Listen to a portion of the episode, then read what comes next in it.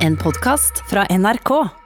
Hva er egentlig sannheten om Norge i Brasil? Er vi den snille hjelperen, eller er vi den lite gjennomtenkte kapitalisten som står bak forurensing og avskoging og brudd på menneskerettigheter? Begge deler, skriver forfatter Torkjell Leira i sin nye bok 'Kampen om regnskogen'. Velkommen til Nyhetsmorgen, Leira. Tusen takk. Du beskriver Norges janusansikt i Brasil, altså janus-symbolet på splittethet og tvetydighet og positivt og negativt. På hvilken måte vil du si at janusansikt er et bra symbol på Norges eh, forhold til Brasil? Jeg tenker som du sier, Er vi den snille hjelperen eller er vi den litt sånn slemme kapitalisten? Vi er begge deler. Eh, helt konkret, har, Norge har brukt eh, omtrent 9 milliarder kroner det siste tiåret på å beskytte regnskogen i Amazonas gjennom støtte til det brasilianske regnskogfondet. Støtte til det brasilianske Amazonasfondet, unnskyld. Samtidig har vi brukt fem ganger så mye penger på å investere i de mest forurensende industriene og sektorene som opererer i brasilianske Amazonas. Det gjelder både Norsk Hydro og andre norske selskaper. Det gjelder import av soya fra skogene i Brasil, og det gjelder investeringene til oljefondet. Mm, men ni milliarder kroner på den positive siden, hva får vi for det? Da har Norge bidratt som kanskje som det ene, som det landet i verden som har støtta Brasil aller mest for å redusere eh, avskoginga av Amazonas.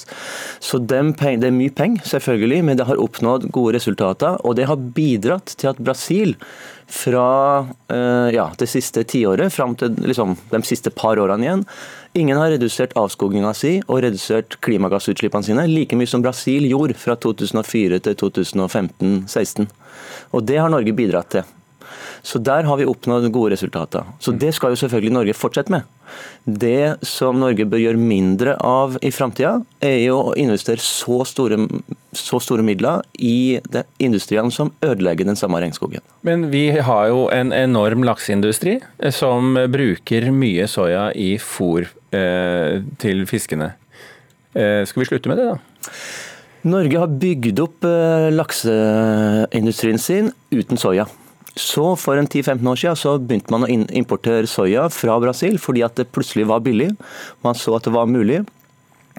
Eh, så den enorme veksten man har sett de siste par åra, ja, den har gått på bekostning av både miljø og menneskerettigheter på den brasilianske landsbygda. Den norske eh, lakseindustrien er den mest lukrative næringa vi har. Overskuddene der er helt formidable. Vi, får, vi, har en lang rekke milliardærer som har tjent formuene sine på det. Og at de kan bruke mer av pengene sine på mer bærekraftig fôr, det syns jeg er en selvfølge. Mm. Men du eh, går jo gjennom deler av norsk næringslivshistorie i Brasil i denne boken her. Tilstedeværelsen av de nesten 200 selskapene eh, som er der, spesifikt da Hydro selvfølgelig med denne utslippsskandalen og Equinor, Regnskogfondet, politikk, norske investeringer. Vil du si at de positive virkningene av vårt virke i Brasil på noen som helst måte oppveier de negative? Jeg syns det er vanskelig å gjøre en sånn sammenligning. Eh, så Det er bare å konstatere at vi gjør begge deler. og Hvis man regner pengene, så gjør vi fem ganger så mye av de dårlige tingene som av de gode tingene. Mm.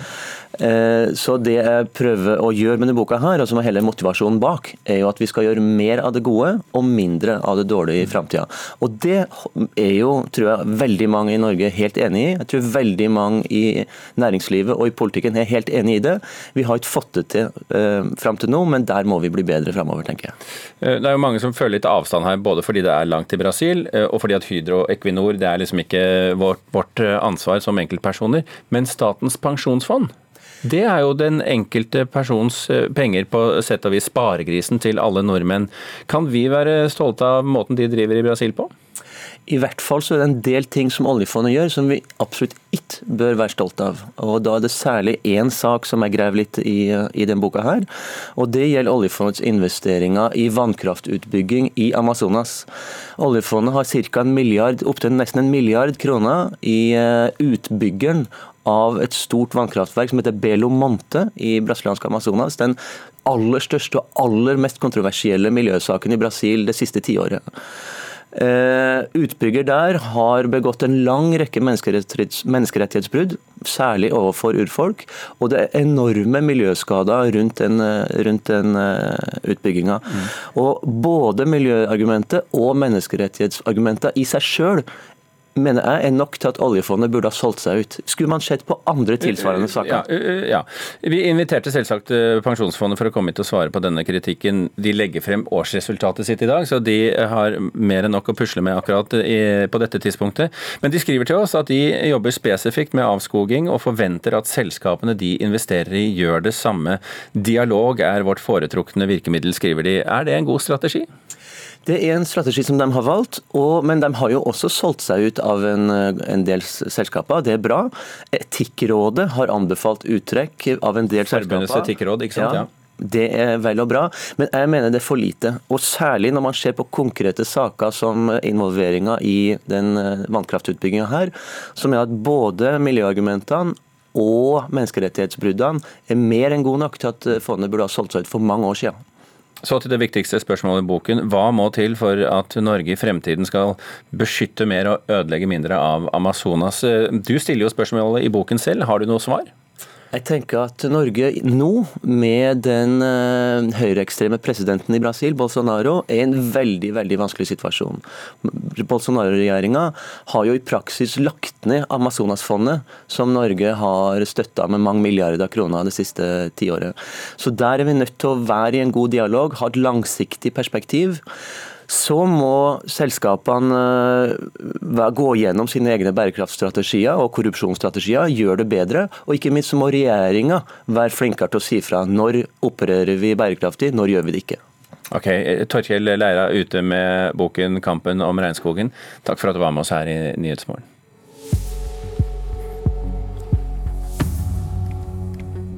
I og med at vi heter Nyhetsmorgen, så må vi komme med noen nyheter eh, midt i sendinga. Vi har altså fått folketallet for Eh, inngangen til 2020. Da bodde det 5000 Nei, unnskyld! 5 367 580 personer i landet vårt. Og det betyr at folketallet har økt med 39 400 i løpet av fjoråret, selv om det gikk ned i 235 av 422 kommuner. Dette tallet ble akkurat klart, vi skal snakke mer om det straks. Og I går eh, kveld så ble det altså bekreftet at koronaviruset kom til Norge etter at en kvinne i Tromsø hadde fått eh, påvist eh, viruset. Omtrent som forventet, svarte Folkehelseinstituttet til oss i stad.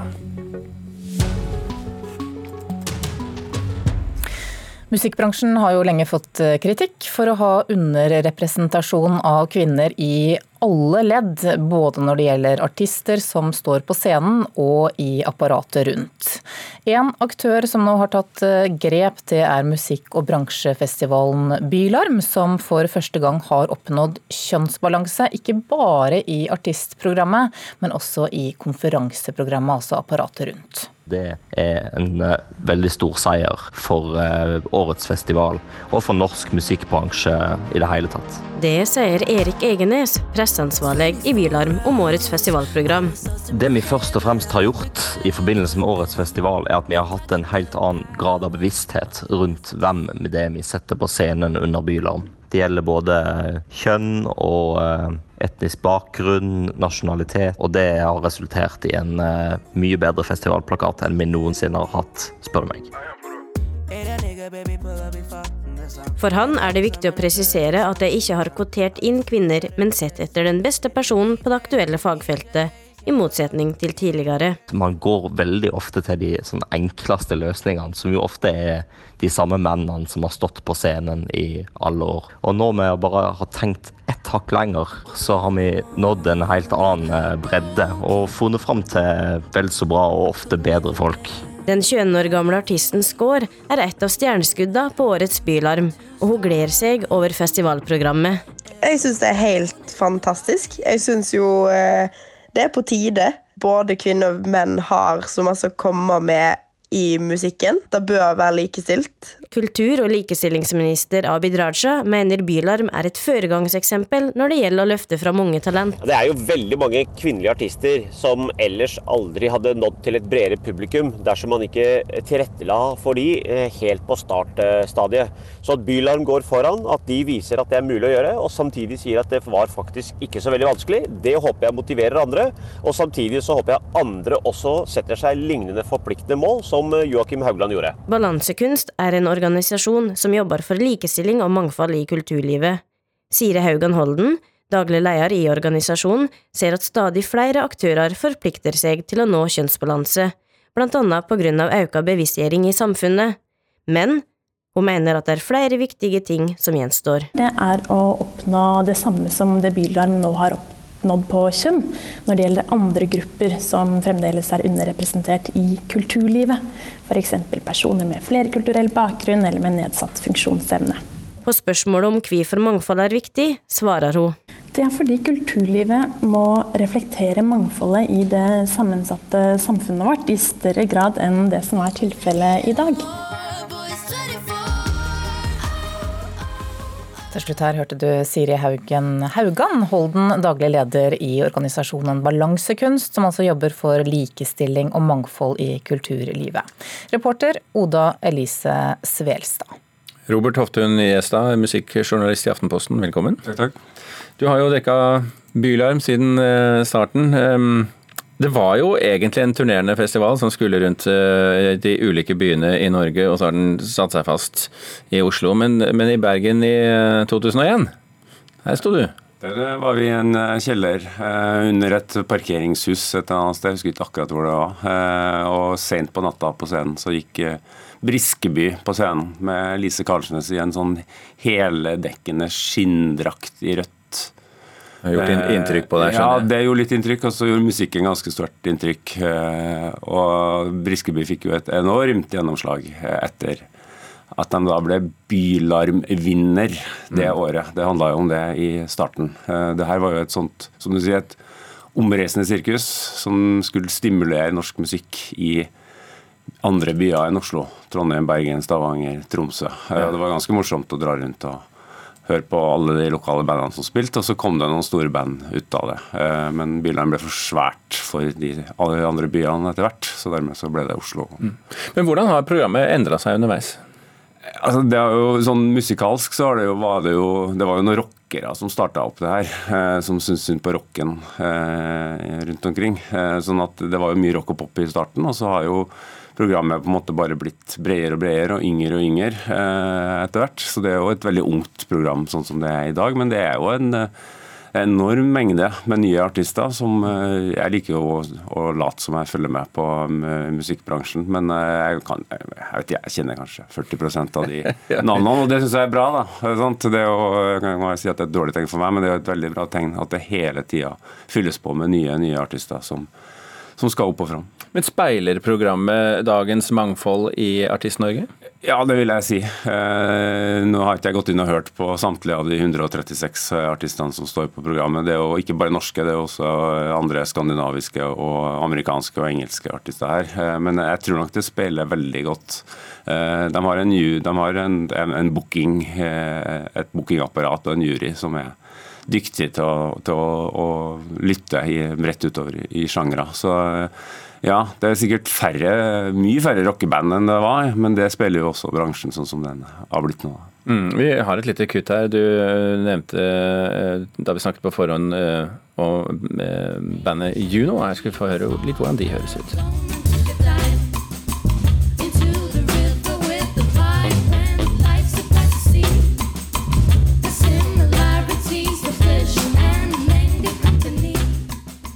Dette kunne jo kommet rett ut av 70-tallet Ja, hvilket som helst tiår, kanskje.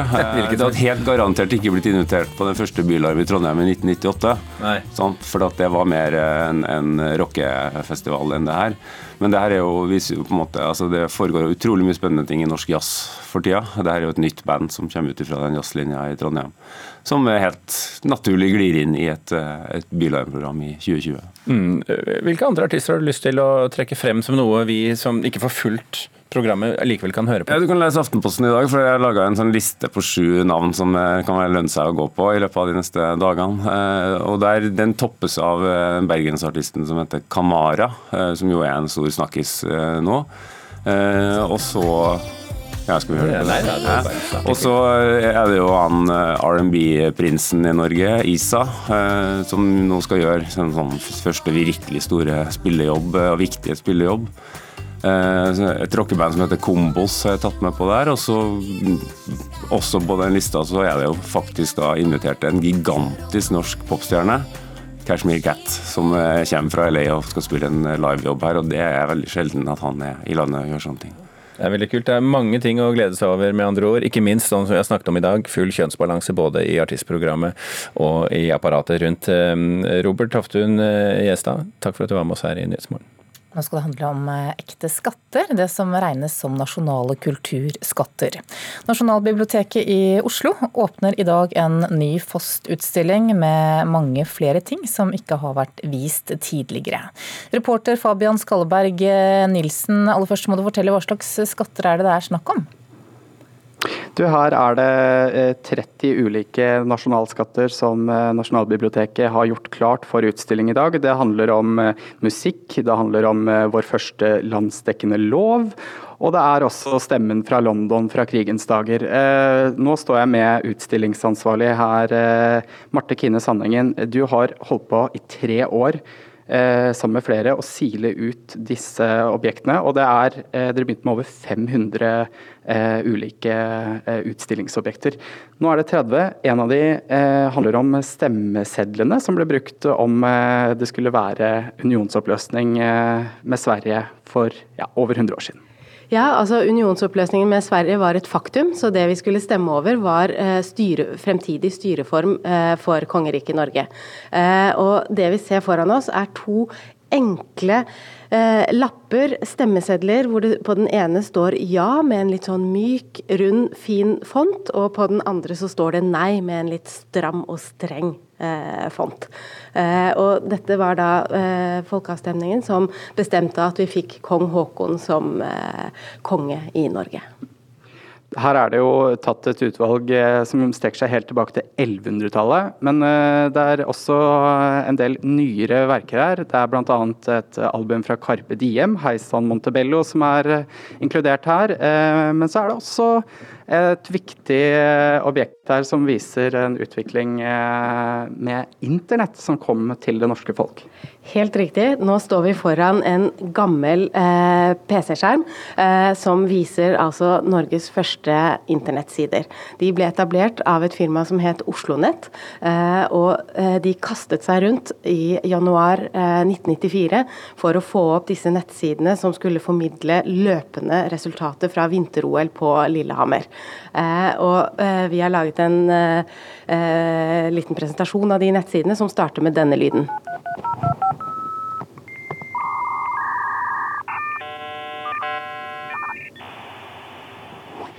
Det er altså lyden av internett anno 1994. Og eh, det er flere lyd, altså lydmuligheter å lytte til eh, nasjonalhistorien vår. Eh, til slutt så har vi denne avisa, som er Norges første avis. Fra 1700-tallet. Der er det et oppslag Var det første nyhetsoppslaget i Norge i avis? Du, En av de tidlige nyhetsartiklene handler om hvordan man skal bevare sitroner i Norge vinteren over. Og det er ganske overraskende. Det kunne man altså lese om i norske intelligenssedler i 1763, som er utstilt her på Nasjonalbiblioteket i Oslo. Og utstillinga over disse kulturskattene de åpner eh, klokka 18 i kveld. Da er kronprins Haakon her sammen med kulturminister Abid Raja skal du ha, reporter Fabian Skalleberg Nilsen. Du har hørt en podkast fra NRK. Hør flere podkaster og din NRK-kanal i appen NRK Radio.